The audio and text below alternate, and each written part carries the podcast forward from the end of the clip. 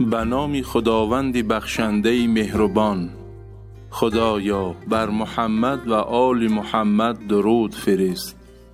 از خدا عمری دراز بخواهیم یا کوتاه امام زین العابدین علی ابن الحسین رضوان الله علیهما در بخش از دعای مکارم الاخلاق می فرماید و عمرنی ما کان عمری بذلة فی طاعتک خدایا تا وقت به من عمر بده که عمرم را در راه اطاعت تو صرف کنم.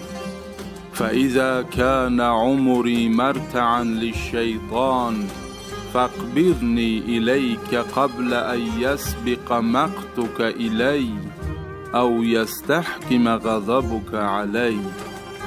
پس هرگاه عمر من چراگاه شیطان شود پس جانم را بگیر.